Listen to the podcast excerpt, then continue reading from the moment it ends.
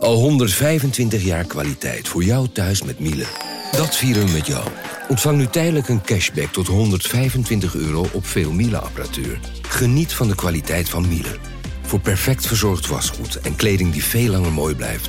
Voor een stralend schone vaat, even perfect als jouw diners. En een stofvrij thuis waarin echt hygiënisch schoon de standaard is. Check miele.nl voor alle feestelijke aanbiedingen. Ik ben al jaren ondernemer, maar waar moet ik eigenlijk allemaal aan denken nu ik voor het eerst personeel wil aannemen, voor het eerst ga importeren of voor het eerst een bedrijfslocatie zoek? Weet wat je wel of niet moet doen bij zaken die je voor het eerst oppakt. Check kvk.nl voor praktische stappenplannen. KVK, hou vast voor ondernemers.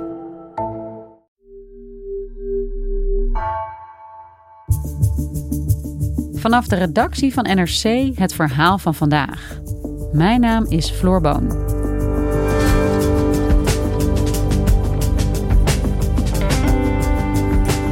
Aan het eerste televisiedebat tussen lijsttrekkers zondagavond deed ook Frans Timmermans mee, de lijsttrekker van de nieuwe samengestelde partij GroenLinks PvdA. Over samenwerking tussen die twee werd al jaren gesproken, vertelt politiek redacteur Philip de Witwijnen. Maar na de val van Rutte 4 kwam alles in een stroomversnelling. Hoe gaat het ermee, een maand voor de verkiezingen?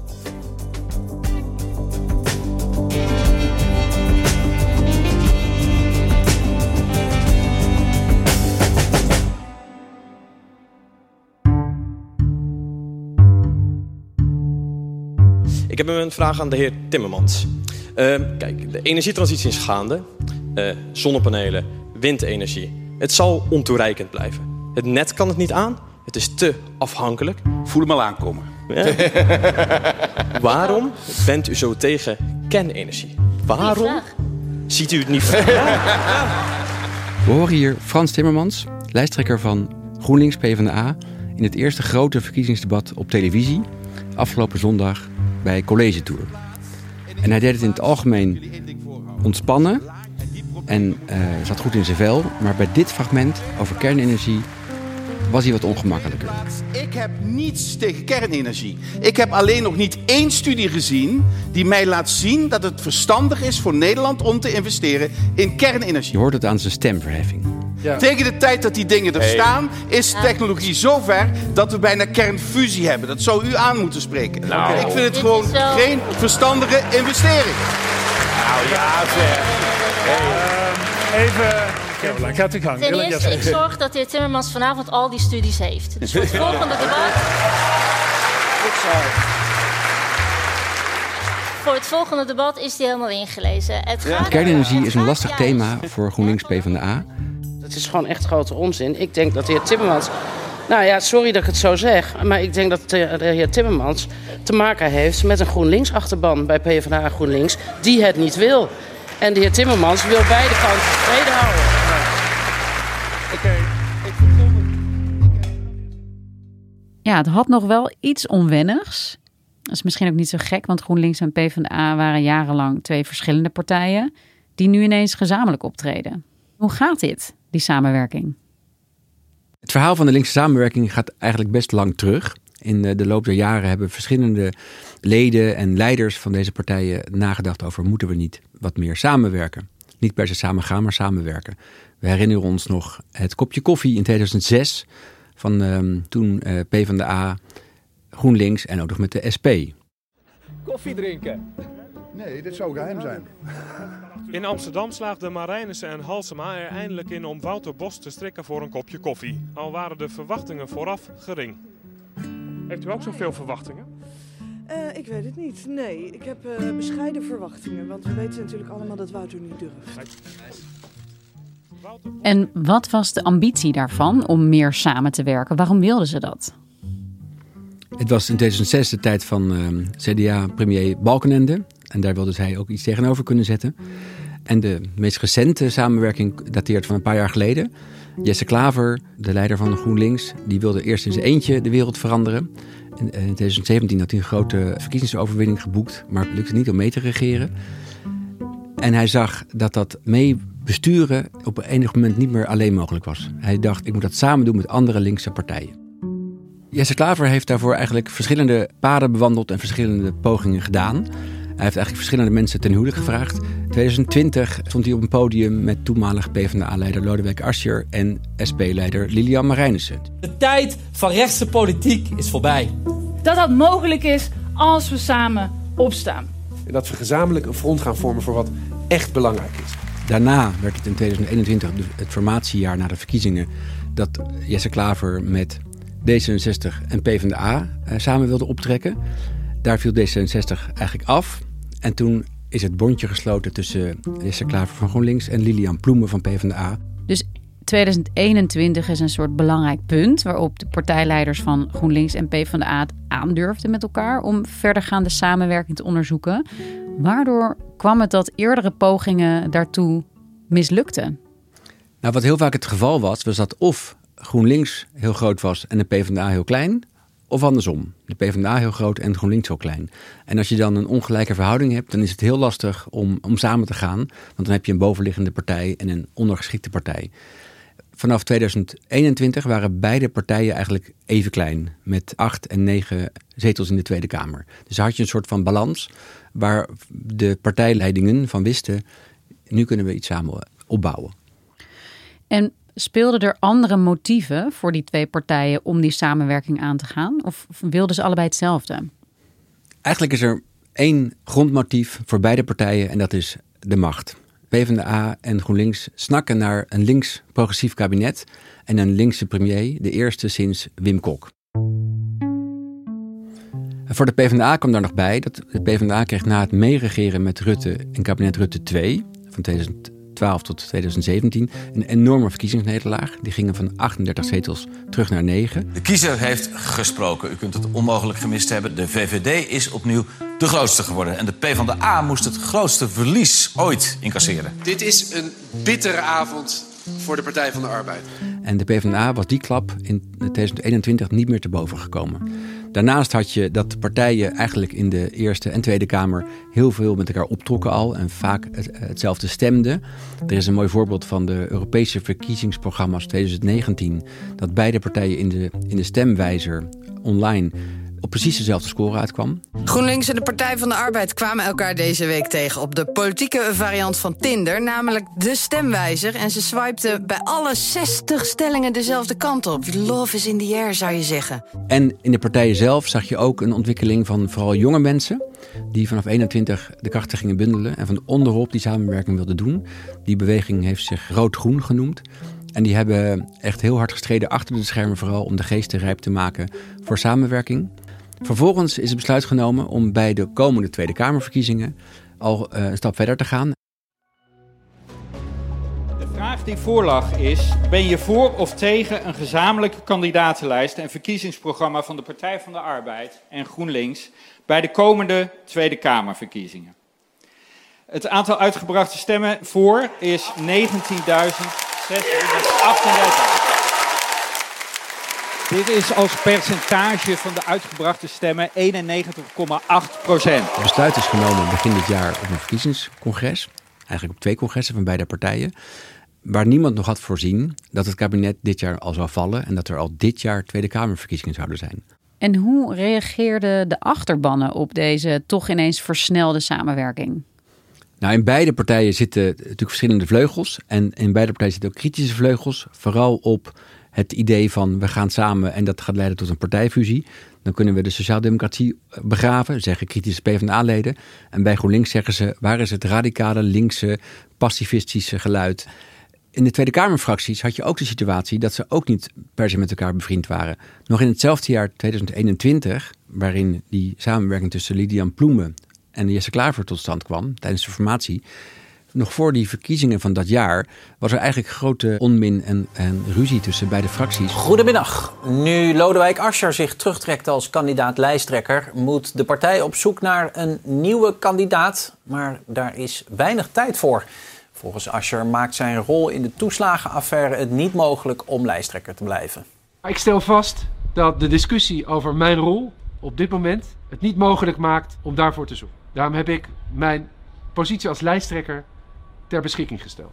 En het is GroenLinks geweest, bij monden van Jesse Klaver, die de Partij van de Arbeid daarop wees dat Asscher ook schuld had aan de toeslagenaffaire. Dat zette druk op Asscher om terug te trekken, een paar weken voor de verkiezingen, als lijsttrekker. En dat hebben heel veel PvdA'ers GroenLinks heel lang kwalijk genomen.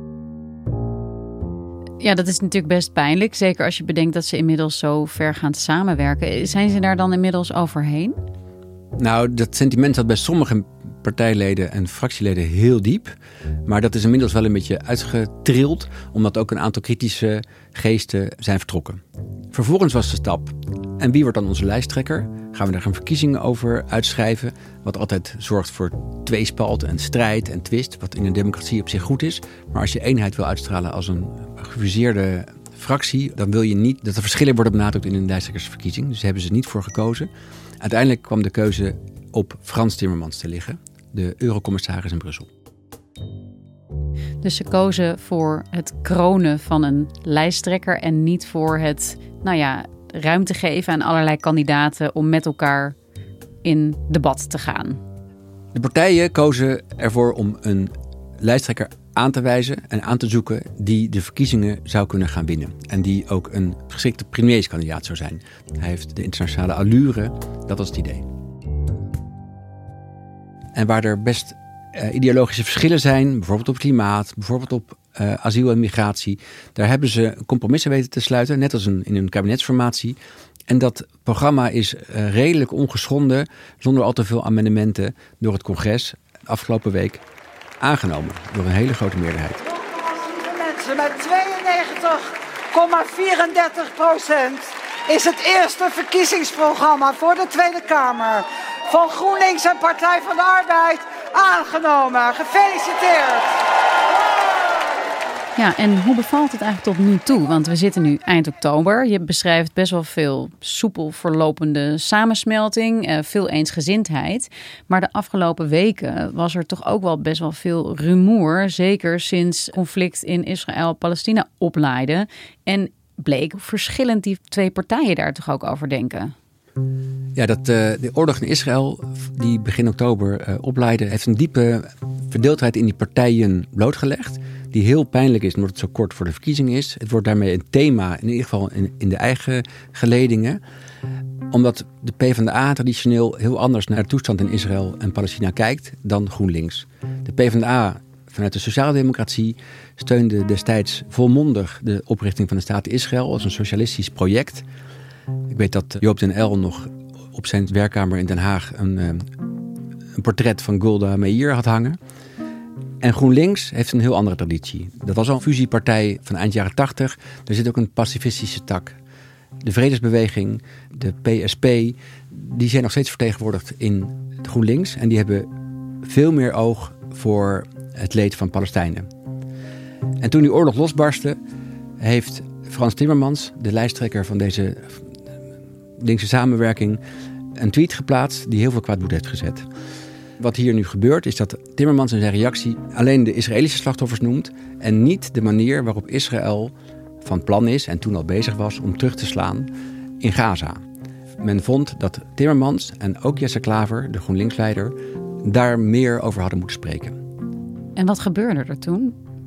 Toen is er in de loop van die week zijn er twee dingen gebeurd. Er is een boze brief geschreven door een aantal kritische leden.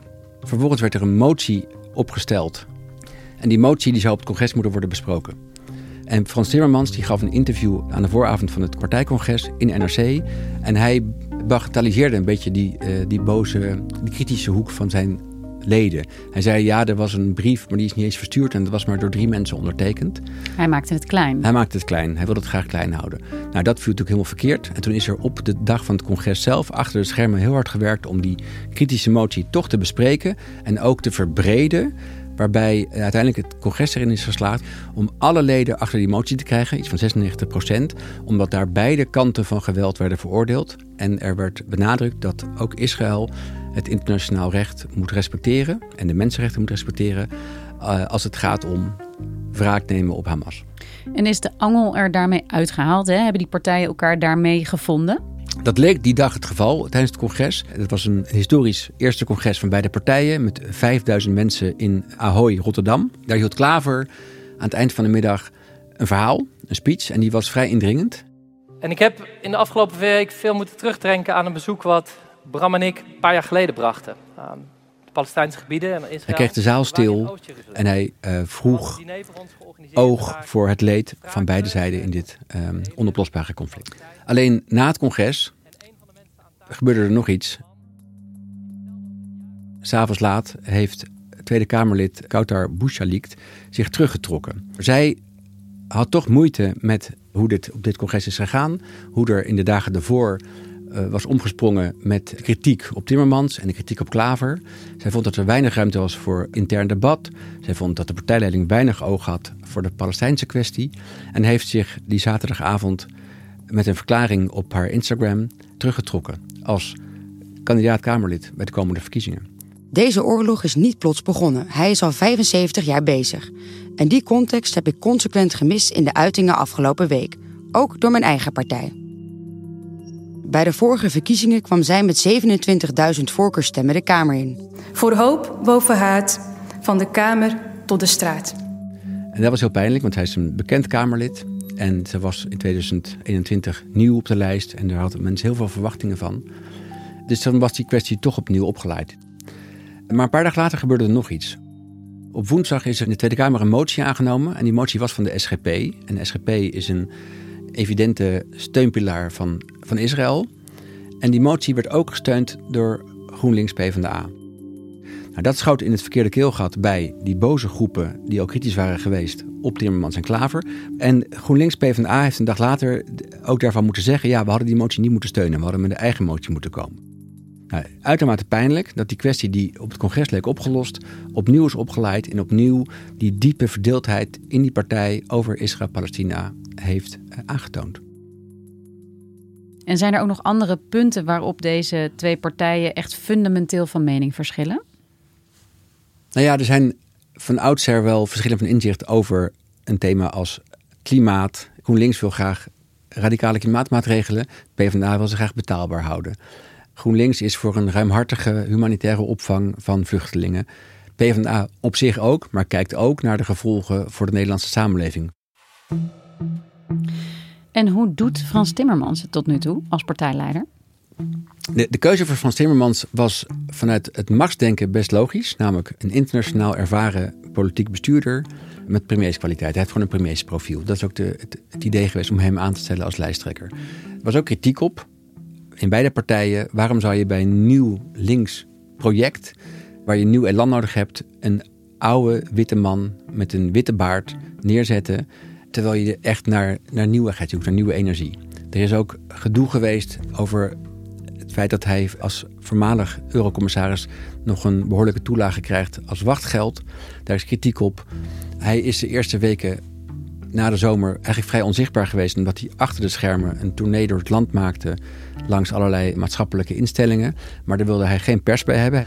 En hij heeft zich vooral ook internationaal willen profileren. Want waar de pers wel bij mocht zijn, was zijn ontmoeting met Bernie Sanders. De Amerikaanse senator die aan het begin van deze maand in Nederland was. Please give him a warm welcome, Bernie Sanders. Hij is op bezoek geweest bij Justin Trudeau in Canada. Daar liet hij wel foto's en filmpjes van zien. Hij heeft een hele internationale eh, agenda eigenlijk voor de komende campagneweken. Hij gaat nog naar Brussel, hij gaat nog naar Spanje. Dus hij wil zich echt profileren als internationaal staatsman. En Filip, we zijn nu zo'n vier weken voor de verkiezingen. Peilingen zijn altijd ingewikkeld, zeker ook vier weken vooraf. Maar om toch heel even een idee te krijgen van hoe Verenigd Links er nu voor staat. Hoe, hoe doen ze het in die peilingen? Eigenlijk staat GroenLinks PvdA er vrij somber voor nu in de peilingen. Die zijn inderdaad nog heel voorbarig. Maar in de zomer, na de komst van Frans Timmermans als lijsttrekker, zaten ze enorm in de lift. Zaten ze bij het gemiddelde van verschillende peilingen, die we als NRC altijd volgen, rond de 30. Dat is echt groot. Ze waren op weg om misschien de grootste partij te worden. En naast de VVD, of naast de PVV, of naast de BBB, of naast de partij van Pieter Omtzigt. Maar de laatste weken zie je dat ze, dat ze weer in een dalende trend zitten. Ze zitten nu ergens onder in de 20.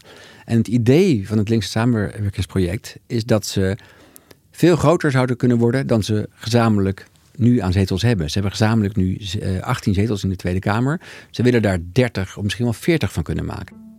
Dus ze kunnen nog niet rustig achteroverleunen en uh, hopen dat het allemaal goed komt voor deze nieuwe linkse partijen op 22 november. Kijk, het lastige voor deze partij, behoorlijk dilemma. Zij willen natuurlijk links zijn. En ze willen een klimaatpartij zijn. Dus eigenlijk een vrij links progressief programma. Maar om echt te kunnen groeien en ook straks mee te regeren met een centrum-links kabinet, moet je ook middenkiezers aanspreken. We hebben nu zondag het eerste grote televisiedebat gehad. Er komen er echt nog wel een paar. En die worden heel belangrijk voor alle deelnemers. En zeker voor Frans Timmermans. Omdat de meeste kiezers nog niet hebben gekozen. Dat doen ze pas in de laatste dagen. Dus het gaat nog heel erg spannend worden.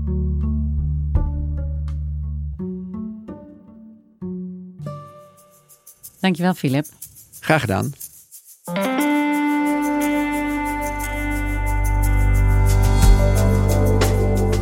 Je luisterde naar vandaag, een podcast van NRC. Eén verhaal, elke dag. Deze aflevering werd gemaakt door Ellen van den Berg, Julia Vier, Iris Verhulstonk en Jeroen Jaspers. Coördinatie Henk Ruigrok van der Werven. Dit was vandaag. Morgen weer.